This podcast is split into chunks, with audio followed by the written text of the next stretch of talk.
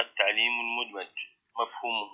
يعد التعليم المدمج نمطا تعليميا تعلميا. له جذور قيمة تشير في معظمها إلى مزج طرق التعليم واستراتيجياته مع الوسائل المتنوعة. ويطلق عليه عدة تسميات منها التعليم المدمج والتعليم الهجين والتعليم المختلط.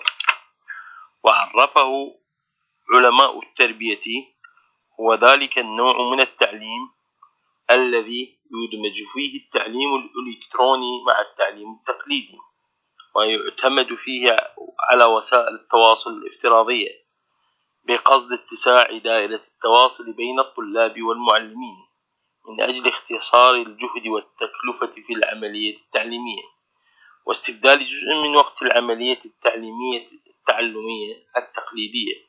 بمجموعة من الأنشطة والتدريب التي يقوم بها الطالب بطريقة افتراضية.